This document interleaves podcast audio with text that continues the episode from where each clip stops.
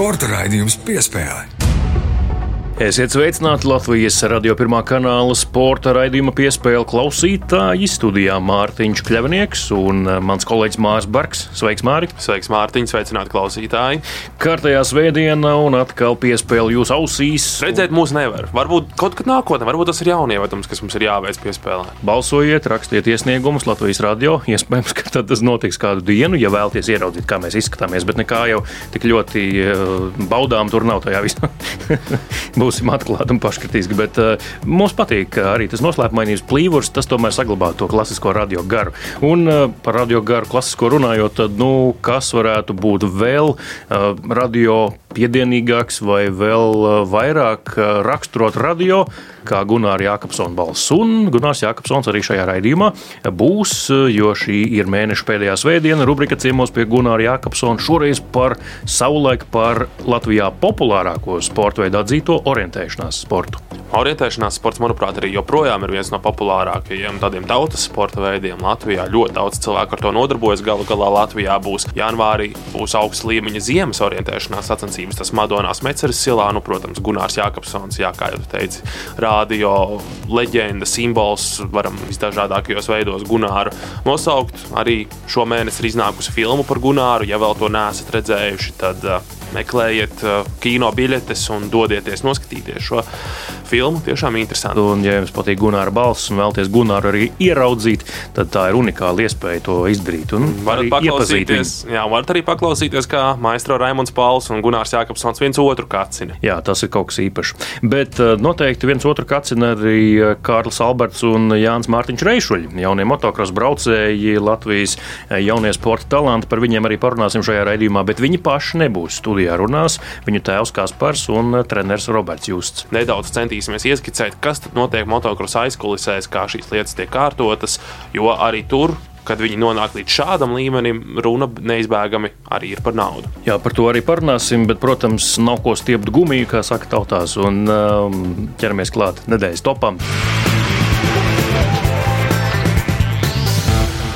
Piespēle studijā Mārtiņš Kļavnieks un Māris Bergs. Un ķeramies klāt šīs nedēļas spilgtāko notikumu topām. Protams, ka pārsvarā visas sarunas šonadēļ ir tikai par no futbolu, acis pievērstas ekrāniem un uh, sekojam līdzi arī sociālās saziņas vietnēs ārpus uh, zaļajiem laukumiem notiekošajiem katrā. Tur ir interesantas lietas, ko redzēt, kaut vai kamieļu policija un vispārējais. Bet uh, sāksim šīs nedēļas topu ar ko vēsāku, lai uh, atveicinātu sevi no karstajiem notikumiem katras tuksnesī. Tad sāksim ar Nacionālo hokeja līgu. Rudolfs Balcers ir guvis savus pirmos vārtus Tampa Bay Lightning hokeja komandas rindā rindās, tas jau otrajā mačā šīs komandas sastāvā. Un ar labu metienu.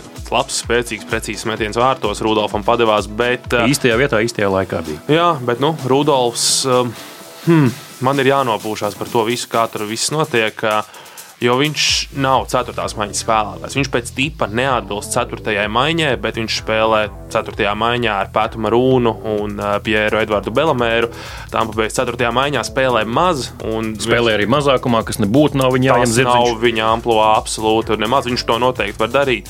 Bet Rudolfs tomēr ir pirmo divu, nu labi, otrās, trešās maiņas spēlētājs. Tas middle six, kā tas NHL saucas, ja vidējais sešnieks, otrā, trešā maiņa. Bet nu, tāda ir Tampa Bay Lightning komanda. Ārkārtīgi dziļa, to mēs esam runājuši jau iepriekšējās reizēs. Šī komanda galu galā ir trīs reizes pēc kārtas spēlējusi Stanley Kausa izcīņā, un Rudolfa Balcera piesaiste viņiem it īpaši šajā sezonas posmā ir tāds spēlētājs sastāva dziļumam. Kaut ko pamainīt, tomēr sezona ir gara, tagad ir ceturtā daļa NHL sezonas tieši nospēlēta. Nu, jā, viņam pēdējos gados ir gājis jautri ar to komandu maiņu. Laikam, sanāk, četros gados četras komandas. Otava, San Jose, Florida. Tagad Tampa Bay. Jā. Jā, šobrīd jau mēs vairs nevaram runāt, ka nav īstā komanda, un tur komanda švaka, un partneri ir slikti un tam līdzīgi. Viņš divās no NHL top komandām šo sezonu spēlējis. Nu, šobrīd vai nu ir jāspēlē, vai tiešām ir jābrauc atpakaļ uz Eiropu. Vai nu jāmaina profils, jākļūst par tā saucamo kaplētāju? Cerams, ka nē, mums pietiek tāda. Mums vajag, kas metās rips vārtus. Vai nu jā, jāparāda sevi, jo līgums beidzas pēc sezonas. Nu, viņš jau tā knapi dabūja to minimālo līgumu pirms šīs sezonas. Nu, tur varētu būt interesanti. Bet iespējams, ka viņam ir tik labs aģents, ka arī pēc netik izteiksmīgas sezonas un komandu maiņas viņam darbs atradīsies. Par to es nebūtu pārsteigts. Jo kaut kā vienmēr liekas, ka viņš allež no tādas bezcerīgas situācijas nonāk vēl labākā, vēl labākā, vēl labākā vietā un pozīcijā. Nu, Tampa Bay ir komanda, kur ir jāmet goli. Tur ir spēlētāji, kas, kas var iemest, un tagad arī Antonius Sarelī drīzumā atgriezīsies, kuram bija pleca operācija. Tad vēl dziļāk kļūs šī komanda, vēl vairāk labu spēlētāju būs. Tā kā nu, nav attaisnojuma, vairs nav attaisnojuma. Un uh, nedēļas topā otrais pieturas punkts pirms lielā futbola. Uh, vēl uh, ledus, bet cits ledus, ledus rēne un skeletons. Mārtiņš Dukurs uh, sezonu sāk lieliski. Viņš nav trasē, viņš ir trases malā, viņš trenē britus, bet uh, viņa trenētie audzēkņi uz pasaules kausa posma piedestāla. Pavisam skumji ir skatīties to posmu no Visleras. Skaisti skati, tā trase jau atrodas ļoti glaznainā vietā. Atceramies to vēl no Vankūveras Olimpiskajām spēlēm, bet kaut kā pietrūkst, pietrūkst latviešu sportistu. Tur nav neviena. Ir Mārtiņš, bet viņš nav sporta kombinācijā, un viņš nebrauc. Viņš ir brītu krāsās. Nu, kaut kā bēdīgi tas viss ir, bet Mārtiņam noteikti Vislerā viss kārtībā. Viņš ir ļoti apmierināts, tāpēc ka te, viņa trenētie sportisti ir uz piedestāla, pirmā un trešā vieta. Tātad Markus Vājats izcīnīja uzvaru pirmajā posmā skeletonā un Meits Vaistons trešajā vietā. Briti uz piedestāla skeletonā. Tas nav nekāds jaunums, bet divi no trim ļoti labi. Tiešām ļoti labi. Un sarežģītā trasē Vīslera ir tiešām viena no sarežģītākajām, kā zinām. Jā, nu un uh, Aksels Jungs, Kristofers Groters, uh, vācieši, kuri savukārt uh, Pekinā Olimpiskajās spēlēs izcīnīja medaļas, bija 4. un 5. vietā. Tā kā viņiem, vāciešiem, protams, ka pasaules kausa sezona sākusies ne tā, kā gribētos. Latvijas radio pirmais kanāls, sporta raidījums piespēle pasaules kausa futbolā.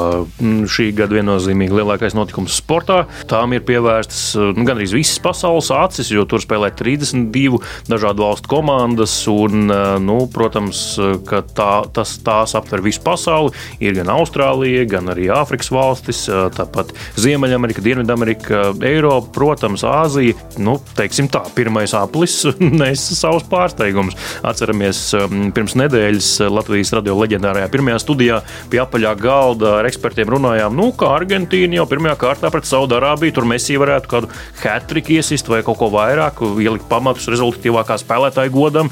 Noteikti vēl kāds varēs pret Saudārābiju izcelties tajā grupā šai tev. Nē, nu, četras bumbas jau bija Saudārābijas vārtos. Lautāram Martīnes tur iesaistīts. Ja vēl arī... tik ieskaitīts. Jā, nu, bet tomēr tas var un aizmugures un viss pārējais ļoti daudz golu patiesībā ir eh, neieskaitīts šajā pasaules kausā tieši vāra sistēmas dēļ. Tas, kas krīt acīs, jā, vāra sistēma un milzīgie kompensācijas laiki. Jā, un par kompensācijas laikiem tas es pat neiebilstu pret to. Tas varbūt mazliet nojauc to ritmu, ka tur es pieredzu, ka apaļā stundā tur sāksies otrais puslaiks tūlīt un tam līdzīgi. Bet uh, tieši šī vārta sistēma tiek iesisti vārti, spēlētāji priecājas, apskaujas un svin vārtu guvumu. Pēc tam raud. Un tad, jā, un tad tiesnesis parāda, ka ir jāiet skatīties un ka gols nav ieskaitīts. Un tas mazliet to visu gandē. Nu jā, laikam tādi divi milzīgie pārsteigumi. Saudārābijas uzvara ar 2-1 pār Argentīnu, savukārt Japāņu uzvara pār vāciešiem arī ar tādu pat rezultātu. Jā, nu, Saudārābija tiešām, bet cepuri nos, kā viņi cīnījās aizsardzībā.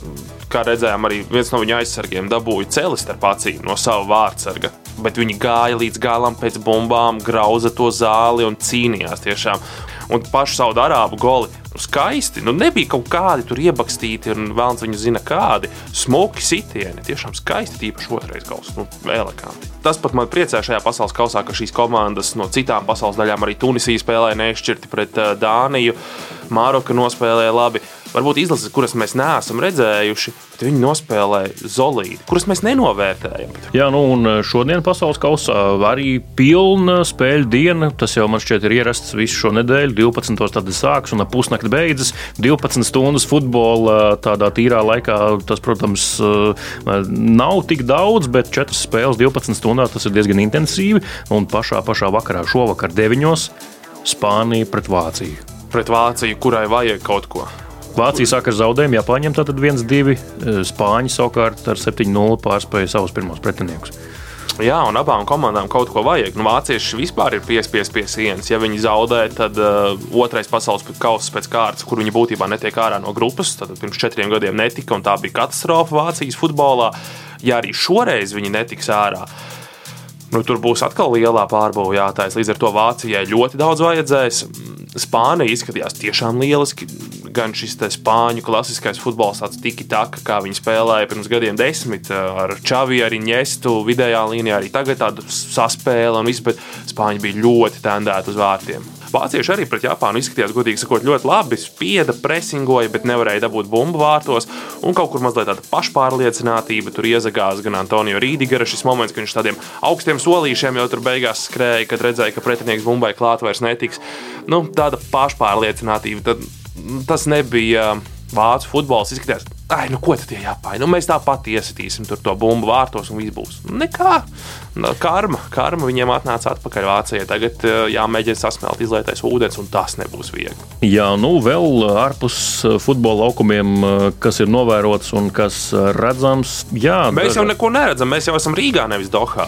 Nu jā, jāprasa Arkādijam Birjukam mūsu pagājušās nedēļas diskusijas vienam no viesiem. Kā tur īsti izskatās, bet nu, tas, ko es esmu redzējis viņa publikācijās, sociālā saziņas vietnēs, nu jā, kamieļu patruļi, kā jau es sacīju raidījuma sākumā, tā, protams, izslavētās teltis uz tūkstošu pannas, kur jādzīvo līdz 170 dolāru par nakti, vai nu vēl mm, vairāk, nevis uz pānas, bet cepeškrāsnī, konteinerā bez eh, gaisa kondicionēšanas sistēmas. Tur dažiem no šiem uh fanu ciematiem, kā tas arī ir nosaukts, tur pat tādas pamatlietas kā izlietne nebija.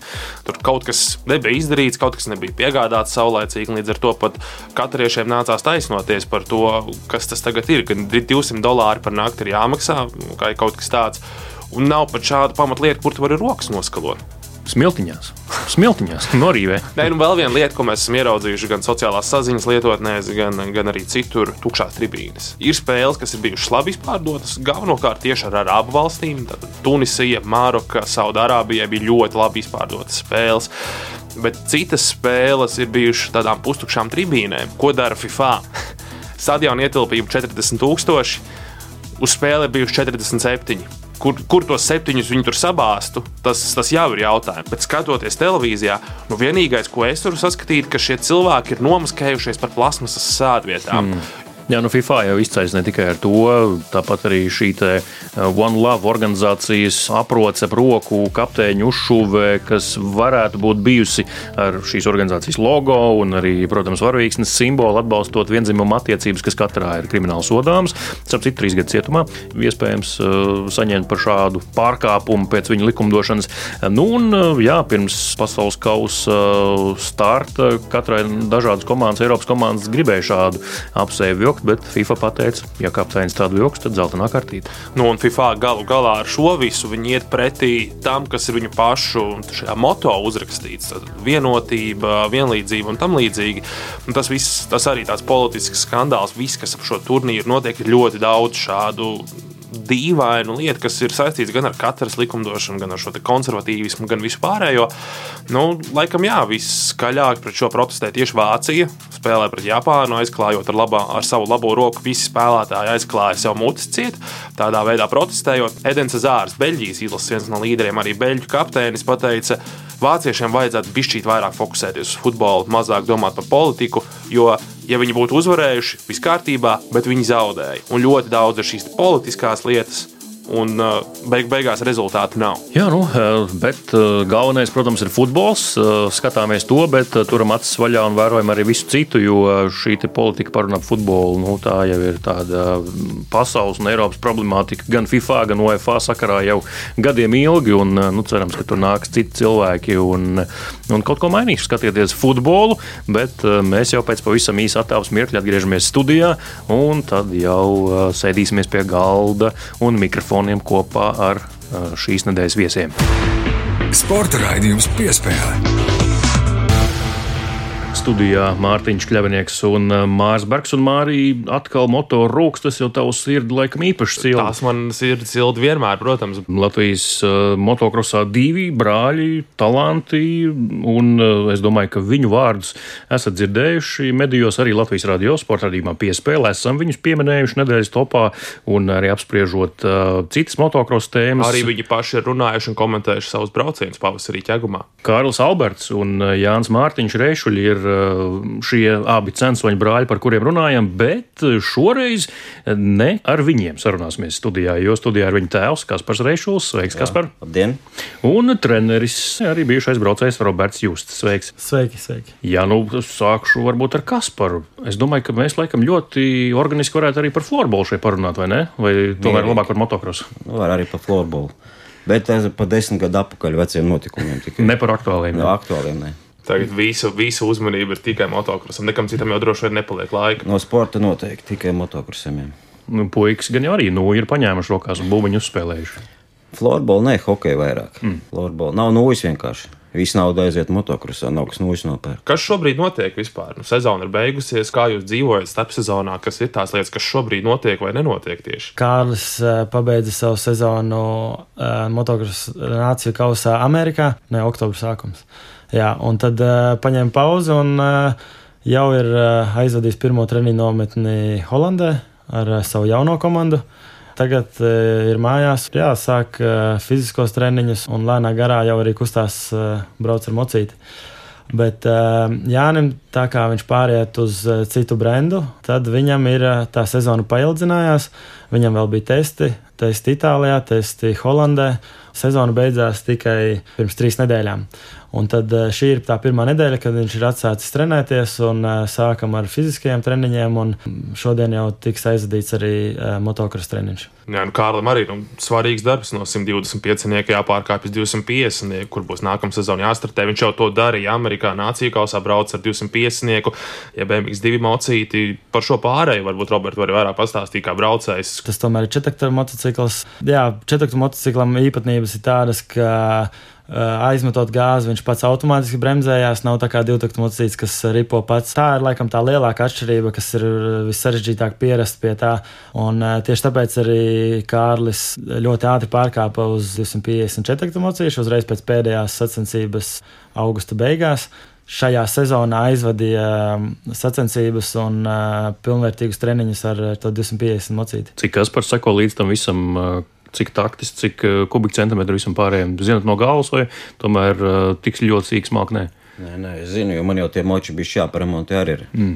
Jo mājās viss, viss tāpat tās visas remonta močus es veicu un sakoju līdzi. Personīgais mehāniķis. Personīgais mehāniķis, šofērs, pavārs. Viss. Visi vienā personā. Viss vienā Dažreiz personā. arī psihologs pierreiz. Nē, Kad vajag. psihologs es švaks esmu, bet var, treneris vairāk ir psihologs. Bet, mm. nu, ja vajag nomierināt, tad varu nomierināt. Ir arī kādreiz, ka ir jāuzkurina vai nevajag uzkurināt, tur pašiem ir iekšā. Kādi viņi vispār ir? Abi pretstati, abi emocionāli, abi nav emocionāli, kādi viņi ir personības. Jānis ir tāds, kas vispār neko neizrāda uz āru. Visu pats paņem un pats domā. Kārs kādreiz ir emocionālāks, bet arī neizrāda to. Viņš izrāda, ka neviens neredz. Bet Jānis pat neizrāda, ka neviens neredz tāds mierīgs puika. Ja kas par varbūt pastāstīs vairāk par šo ģimenes, nu, tādu nu, savā veidā upurēšanu no šī sporta veida labad, jo tās ir nedēļas nogalas trasē, un tad, kad sacīkstas beidzās, ir īpaši jau, kad tas kļūst par starptautiska līmeņa čempionātiem, kā jūs tagad Eiropā braucāt. Jā, nu, upurēšanās ļoti liela, jo vislielākais upurs iznāk laiks, ko tu velti tiem bērniem, ka citam nekam nepietiek laiks. un Līdz ar to, ja sākumā es viens pats braucu ar puikām, tad uh, it kā sieva nu upurējās, jo nekad mēs nebijām mājās. Bet nu jau arī viņa sāk braukāt līdzi jau pāris gadus, jau diezgan nopietni. Viņai arī viņa ir, teikt, ierauta iekšā, viņai arī ļoti patīk tas viss. Un, un viņa jau ir pieslēgusies, un mēs tā kā upurs vairs sanāk tikai tas, ka mēs neko citu vairs nevaram padarīt. Mēs tikai motokrosā esam. Nu, jā, un tas tomēr ir brīnišķīgi, ka ģimene ir kopā. Jūs neesat šķirti, jūs laiku pavadāt kopā. Tas nekas, ka visu laiku viss ir parunāts motocross, sarunas, domas, tā tālāk, bet tomēr jūs esat kopā. Un ir arī tas ceļošanas aspekts. Cilvēki ir daudz kaislīgi ceļotāji, kuriem patīk braukt. Nu, jūs jau arī kaut ko jau mazliet redzat arī ārpus tām trasēm. Nu, gribētu es vairāk redzēt. Jā. Pārstāv sanāk no trases uz trasi. Ja gadījumā kaut vai tu nedēļas te ne Eiropā, Tāpat, ka nedēļas vidū ir kāds treniņš, un tāpat uz trasi mēs aizbraucam. Bet, nu, Bet, nu, vismaz zinu, visas trases. jā, viss trasi. Pagājušajā gadā jums bija iespēja, kad bija pietrama rātā trīs posmi, tad vismaz to kalnu reģionu tur varējāt mazliet kaut kur izskriet. Nu, kalnos puikas kāpjā, trenerā bija. Viņš tur ložņāja.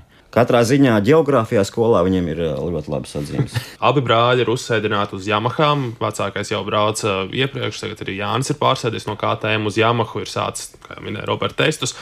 Varbūt Kaspar var pastāstīt, kā vispār jūs sākumā nonācāt pie Yamahas. Viņi abi divi sāka braukt ar KTM, jo Yamaha tenīs pirmajās klasītēs nav vēl tā tehnika konkurētspējīga. Un, un viņa, var teikt, brauc kārs līdz trīs gadu atpakaļ brauca KTM, un tad jau Eiropas čempionātā to Roberts var pastāstīt, kā notika tā pirmā saskarsme ar tieši Yamaha pārstāvjiem. Jo, bet brauc viņi arī KTM nebija tā, ka viņi ir Yamaha, un tāpēc Yamaha tagad redz, ka Yamahas braucēji un piedāvā. Kad Yamaha vispār ievēroja eh, Kārli, bija 19. gadā junior pasaules čempionātā, ka Kārlis vienu braucienu nobrauca kā otrais un vienu, man liekas, piektais, kopā paliekot ceturtais.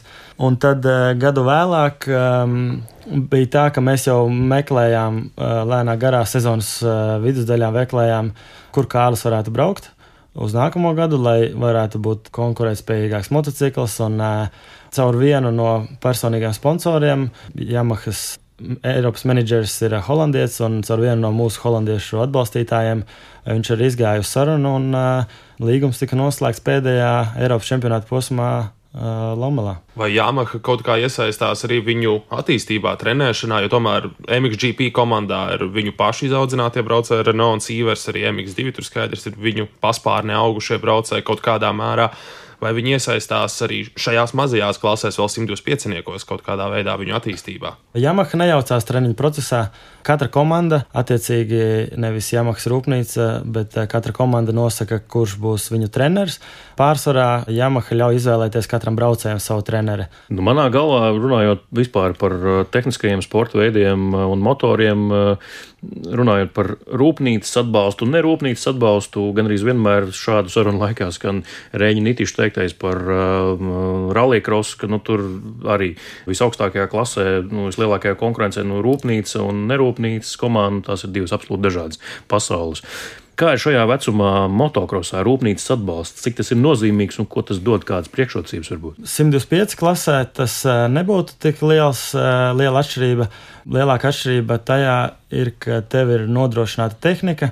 Par to tev nav jāuztraucās. Tev nav jāuztraucās, kur tu taisīsi to mocili, vai viņš būs konkurētspējīgs vai nē. Tas motocikls būs tik labs, cik viņš var būt. Tev nav jāuztraucās par visu pārējo, eh, par to tehnisko uh, daļu. 105 klasē arī pats var uztaisīt, uh, vai nevis pats, bet pie kāda privātā ķūnera var uztaisīt moci konkurētspējīgu, lai varētu uzvarēt. Ja? Tātad 250 klasē tas viss sadārdzinās aptuveni trīs līdz četras reizes. Tur jau tas ir nozīmīgi. Ja? Tur tas ir nozīmīgi, tāpēc, ka nu, tev vajag vai nu baigi lielā budžeta, lai uztaisītu konkurētspējīgu tehniku, vai nu tad, nu, jā, un, un rūpnīcai tādā ziņā uh, ir visas pieejas pie materiāliem, un tad viņiem tas ir iespējams. Jā. Nu, vismaz Kasparam mazliet vieglāka dzīve paliek, nebūs jāskroja tas mocīts vairāk. Nu, ir jau vieglāk, jo tagad jau ir jau, protams. Nu, tāpat ir jāskrūvē, bet nav vairs, kā lai saka, tik padziļināti. Tas lielais, piemēram, dzinējs vairs nav tur pašam. Ne jātaisa nekas, ja kāda problēma, pat tikai jāizņem no moča dzinējas un jāizsūta. ar- Tur jau meistari tie, kas rīktīgi saprot. Kā ir nu, divi brāļi, kā jau te Kaspars ieskicēja, tad uh, emocionāli tomēr viņi ir atšķirīgi, lai gan abi mierīgi, bet tomēr atšķirīgi. Ir, protams, tā ir savu brāļu sāncensība. Tas viņiem arī varbūt reizēm palīdz vai tieši traucē. Morāli nav viegli. Tāpēc, kad uh, tu mājās, uh, nezinu, kaut vai kompīti spēlē, tu sacenties, tu futbolu spēlē, tu sacenties, un visu laiku tā konkurence ir uh, nemitīga visu laiku. Tas varbūt tās morāli nav tik viegli, bet atkal treniņos tas dod lielāku motivāciju. Tev nekad nav um, garlaicīgi tie treniņi. Arī mums, kā skatītājiem, bieži vien ir Man kā tēvam arī noteikti nav garlaicīgi. pulciņš augšā. Ir ceļš sacensībās, pat nerunājot par treniņiem. Tas ir pozitīvi, bet uh, ar to ir jāstrādā, lai tas neaizietu uz otru pusi negatīvi. Parunāsim par uh, lielo sāpju Latvijas sportā. Finansējums, nauda, atbalstītāju piesaiste. Nu, skaidrs, ka motocross, uh, kā jau mēs te minējām, balstās uz primāru ģimenes atbalstu, entuziasmu, vispārējo, arī naudas maku, protams, neslēpsim. Kā jums iet, uh, kas par ar privāto finansējumu un tā piesaisti? Nu, diezgan švaki mums ir. Pārsvarā mums ir divi, trīs cilvēki, kas mums palīdz jau no paša sākuma, un tie arī turās, jo jaunus dabūt klāt ir praktiski neiespējami. Latvijā nav tās intereses, jo tomēr motocross ir apmeklēts, gan būtu, kur sponsoram atrādīt savu zīmolu, gan, gan visā citādi arī jūs tomēr Varbūt interesi ir, bet nav naudas nevienam. Jā, bet varbūt tā. Jā, Robert, bet minēja, ka Yamaha jūs, teiksim, jūs ar Yamaha savadu kopā kāds atbalstītājs, tad jums ir arī atbalstītāji ārzemēs, kuri gan jūs ir pamanījuši? Ārzemēs tie arī ir viena no tie, kas sāka atbalstīt Džekus jau no paša sākuma. Tie arī bija mani atbalstītāji iepriekš, un tas ir Vilnius Hamstra, kas ir izveidojis, uh, varētu teikt, atbalstītāju grupiņu uh, Holandē. Tāda mazliet atgāna situācija veidojās, ka Latvijā īstenībā to atbalsta. Nu, ir švaki, saprotam, kāpēc, labi, tas, tas viss ir viens, bet Nīderlandieši, kuriem pašiem ir milzīgi daudz braucēju, viņi atbalsta latviešus. Tad atgādna situācija mazliet veidojas. Es domāju, ka uh, tas iemesls, viens no iemesliem, kāpēc viņi turpina atbalstīt un, un atbalsta, ir Holandē varbūt tās, tas uh, finansiālais stāvoklis lielākajai daļai motosportistu ir nedaudz labāks. Tad Eh, bieži vien tiem braucējiem ir svarīgāk, kā viņi izskatās, cik dārgas viņiem tās drēbes, cik saķūnēti tie moči. Un, ja tas mocis nav tādā, tur ar visiem spīdumiņiem un drēbes nav tur jaunākais modelis, tad, tad tas braucējs tur atsakās braukt. Uh, nav tā atdeve tam sportam, tad uh, viņi redz, ka šeit džeki cīnās, brauc treniņus pa sniegu, brauc mīnusos, brauc uh, vienalga karsts vai putekļains vai sauss. Un, un brauc ar to, kas ir, nevis ar to, ko gribētu braukt. Es domāju, ka tā sistēma varbūt tās, tad, kad es braucu, tad bija nedaudz savādāk ar tādu nodokļu atmaksu uzņēmumiem, un tas darbojās daudz labāk uh, motokrosā. Varbūt tās no valdības puses arī tas uh, nedaudz bija solis atpakaļ sportā. Jā, šī ziedojuma sistēmas maiņa, kas tagad nesen ir jau atkal nedaudz pārveidota, nedaudz uz labāku pusi, bet nu, skaidrs, ka tas uh, nav tas līmenis, kas bija līdz 2018. gadam. Bet uh, kopumā par mērķiem runājot. Uh, ir definēts tāds viens lielais mērķis abiem brāļiem? Nu, es domāju, ka viņi to paši sev uh, sapnīti ir definējuši. Un, uh, es domāju, ka tas ir jebkuram sportistam, jebkuram motokrosistam. Tas lielākais mērķis gan jau ir uzvarēt vienu no lielā, lielajiem seriāliem, vai no MXGP, vai MX2, vai Nāciju kausa, vai Amerikas čempionāta. Par brāļiem mēs noteikti varam runāt par, par tādiem pēc talanta līmeņa, par potenciāliem Paulinas mantiniekiem. Ka varbūt pat viņi visi trīs satiksies vēl vienā trasē, vai vienā braucienā. Konkurentiem varbūt, jā. Jā, jā pavisam noteikti.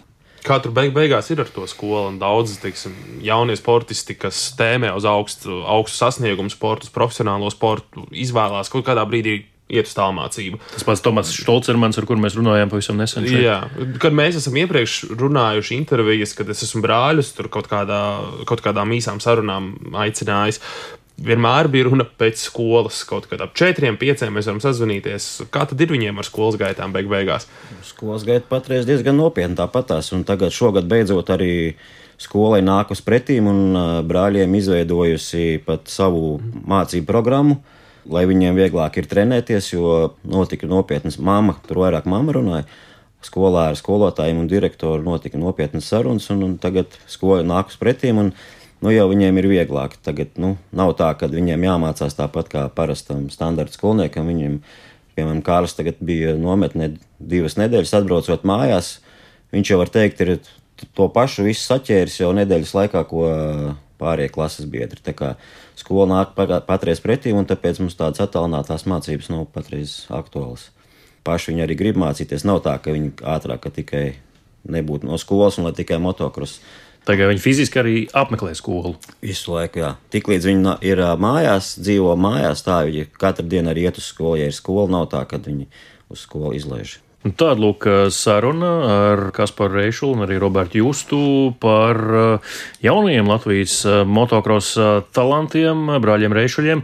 Paldies jums abiem, ka atnācāt šodien uz Latvijas radio studiju, un es domāju, ka mēs noteikti, noteikti tiksimies kaut kad pārskatāmā nākotnē vēlreiz un runāsim jau par vēl augstākiem brāļu panākumiem.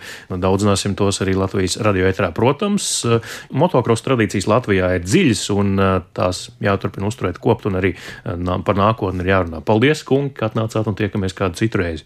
Paldies! Paldies. Paldies.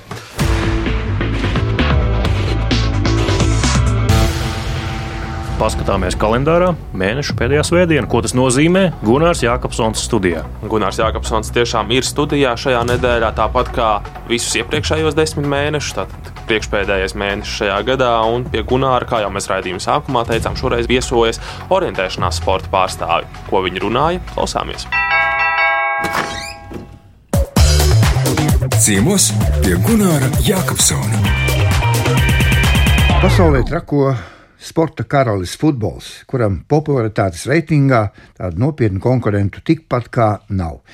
Taču pirms vairākiem gadiem tepat Latvijā pārsteidzošā kārtā par populārāko sporta veidu tika atzīts nevis futbols, un arī ne basketbols vai hokejs, bet gan orientēšanās sports.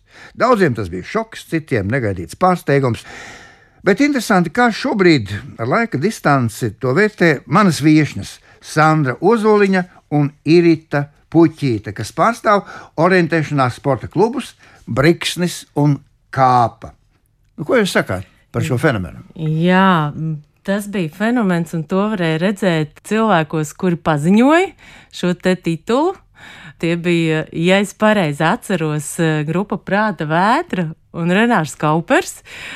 Tad uh, man likās, ka viņam tajā brīdī pat uh, rokās tā balva tā nolaižās. Un, Kā, kas tas tāds - orientēšanās? Un, jā, bet tajā mirklī, acīm redzot, mūsu orientēšanās saimē bija tāds pacēlums, bijām uz viļņa un uh, visi salikām, viss prāts, jūtas un enerģija kopā.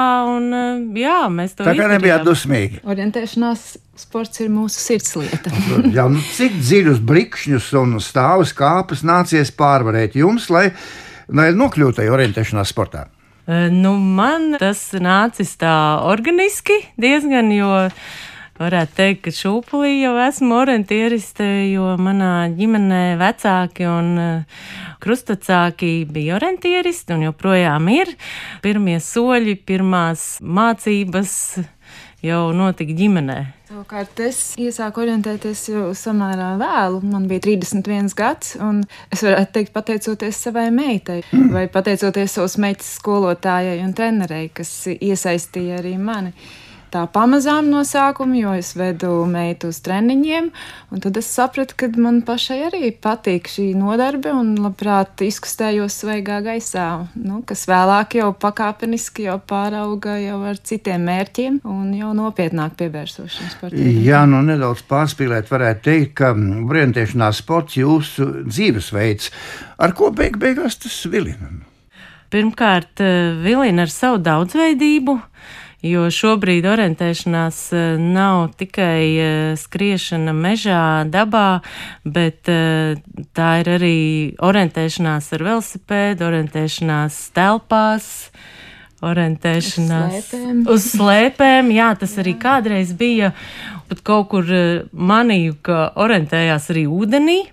Bija sacensības baseinā, un jā, nu, pamatā tā ir daba un arī uh, vienotība, kopības sajūta, vērtība, kad ar to var nodarboties jebkurā vecumā un iesaistīties visa ģimene. Protams, man šis sporta veids vilina un pievelk ar to, laikam tieši ar to pašu principu, kad eh, ir jāapvieno šīs skriešanas eh, fiziskās spējas ar kartas lasīšanu. Tas ir tāds skriešana ar uzdevumu, ar mērķi, un tas ir tas, kas man aizrauja. Kādas tad ir tās populārākās federācijas rīkotās sacensības un vai?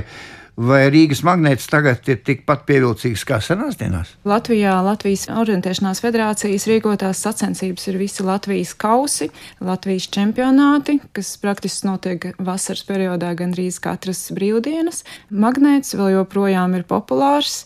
Viens no Latvijas orientēšanās lozungiem ir katru dienu visā Latvijā. Un praktiski vasaras periodā ir katru dienu iespējams kaut kur atrast kādu orientēšanās seriālu, līdzīgi kā magnēts, jebkurā Latvijas nostūrī.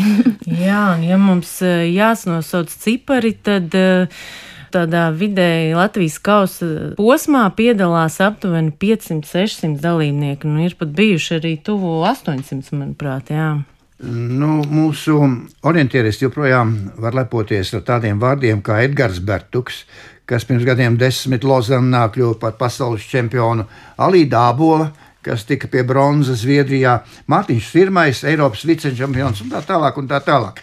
Kādi uz pasaules fona šobrīd izskatāmies? Un pašlaik jau nāk arī jaunā paudze, un uh, meitenēm ļoti sevi spēcīgi ir pierādījusi Sandra Grosberga.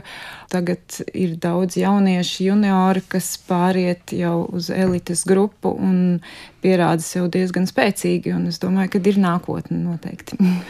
Jā, mums ir Gustavs Staņa, kurš šogad eh, pasaules junioru čempionātā orientēšanās ar slēpēm izcīnīja bronzas medaļu. Par Irītu arī šis tas jauks dzirdēts pēdējā laikā. Pastāstiet par sevi. Jā, augstākajā līmenī man nav tādu ļoti augstu sasniegumu. Bet, bet um, pasaules veterāņu čempionātos, kuros piedalos jau no 2015. gada, esmu izcīnījusi desmit medaļas, no kurām četras ir zelta. Arī Latvijas līmenī, startējot vēl joprojām savā vecumā, spēju sastādīt konkurenci un, un arī cīnīties par Latvijas čempionāta medaļām. Jūs nu pats sacījāt, arī mm, tas bija pasaules čempionāts. Ne? Jā, startēju arī vienu no paralēli vēl orientēšanās sportam. Man ir aizraujos arī ar taku skriešanu, kas man arī ir ļoti tuvu sirdī, un šogad piedalījos Taizemē pasaules kalnu un taku skriešanas čempionātā. Ko tas nozīmē? Ko nozīmē tā zeme, ko, ko nozīmē takas?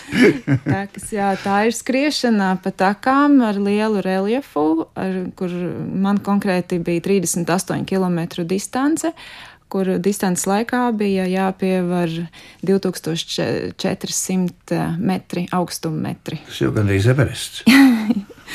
Jā, tas nav viegli, bet um, šeit es varu arī pieminēt to, ka orientieristiem ir šīs priekšrocības skrienot mežā pa apvidu. Mēs uztrenējam izturību un, un arī izveicību, kas mums ļoti palīdz arī taku skriešanā. No pirmās orientēšanās sacensības Latvijā notikušas 1936. gada 18. oktobrī. Tātad pasen, bet federācija dibināta pirms 60 gadiem. Tātad gaidāmas, cik es saprotu, lielas svinības.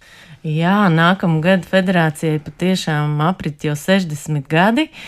Un eh, šogad eh, mēs iesildīsimies šīm svinībām mūsu tradicionālajā Latvijas orientēšanās federācijas gada ballē, Es domāju par filmu festivālu vai, vai, vai jā, konkursu, jā. kaut ko tamlīdzīgu. Mana deksme, varētu teikt, pret orientēšanās sportu ir eh, vairāk tāda organizatoriskā ziņā, mazāk sportoju, un tāpēc man pirms trīs gadiem radās ideja, ka orientēšanās sportam vajadzētu uzorganizēt atsevišķu filmu konkursu. Un konkursu nosaukums ir Zelta dublis. Un eh, šajā gada ballē mēs eh, izrādīsim divas pirmizrādes. Tā kā būs arī kino. Nobeidzot šo mūsu tikšanos šeit studijā, nu kāds būtu jūsu vēlējums? Varbūt ne tikai jūsu kolēģiem, kas šobrīd nodarbojas ar šo sporta veidu, bet tādiem cilvēkiem, īpaši jauniešiem, bērniem, kas varbūt domā iet uz orientēšanos vai neiet. Ko jūs viņiem vēlētu, ko jūs ieteiktu? Noteikti ieteiktu pamēģināt, jo vienmēr ir vērts pamēģināt un saprast, vai tas interesē vai neinteresē. Un Latvijā ir uh, pieejami treneri un noteikti kāds palīdzēs un ar padomu un pastāstīs un parādīs, kā tas darāms. Noteikti mēģināt vajag. Katrā ziņā iesaku neņemt vērā tie, kuri saka, ah, tur jau dubļi, tur jau brīkšņi, tur jau pēc tam traumas, bet uh, tiešām izmēģināt, un ja ar pirmo reizi neizdodas, tas nemest plinti krūmos, jo es atceros, kā man draudzene, kuras pirmo reizi ievedu. Mežā viņa nāca ārā un saplēsa kontrolkartiņu. Toreiz vēl bija kontrolkartiņas, bet uh, viņi joprojām orientējās un, un brauca uz sacensībām. Tā kā, jā, līdzīgi kā Irīts saka, pamēģināt, nenobīties un turpināt. Un nemest plinti krūmos. Ja? Tieši tā. Paldies, lai jums skaistas svinības un visiem mūsu orientieristiem jauni labi panākumi jaunajā gadā. Paldies! Paldies. Piespēle! Studijā Mārtiņš Kļavnieks un Māris Bergs. Esam atraduši pareizo ceļu caur kontrolu punktiem uz raidījuma beigām. Jā, esam pārlikuši arī dažiem tramplīniem pāri, kā jau tas motokrosā ir pierasts. Bet, jā, raidījums tuvojas izskaņai. Mārtiņ, mums ar tevi ir jāiet atkal skatīties futbols. Jā, klausieties raidījuma piespēli arī um, jebkurā raidierakstu, jeb podkāstu klausīšanās vietnē. Nu, un nākamnedēļ atkal jaunas tēmas pārsteigumi un, protams, arī kaut kas analītisks, vērtējošs no mūsu pašu puses. Tiekamies! Paldies un uz tikšanos! Sporta raidījums piespēlē.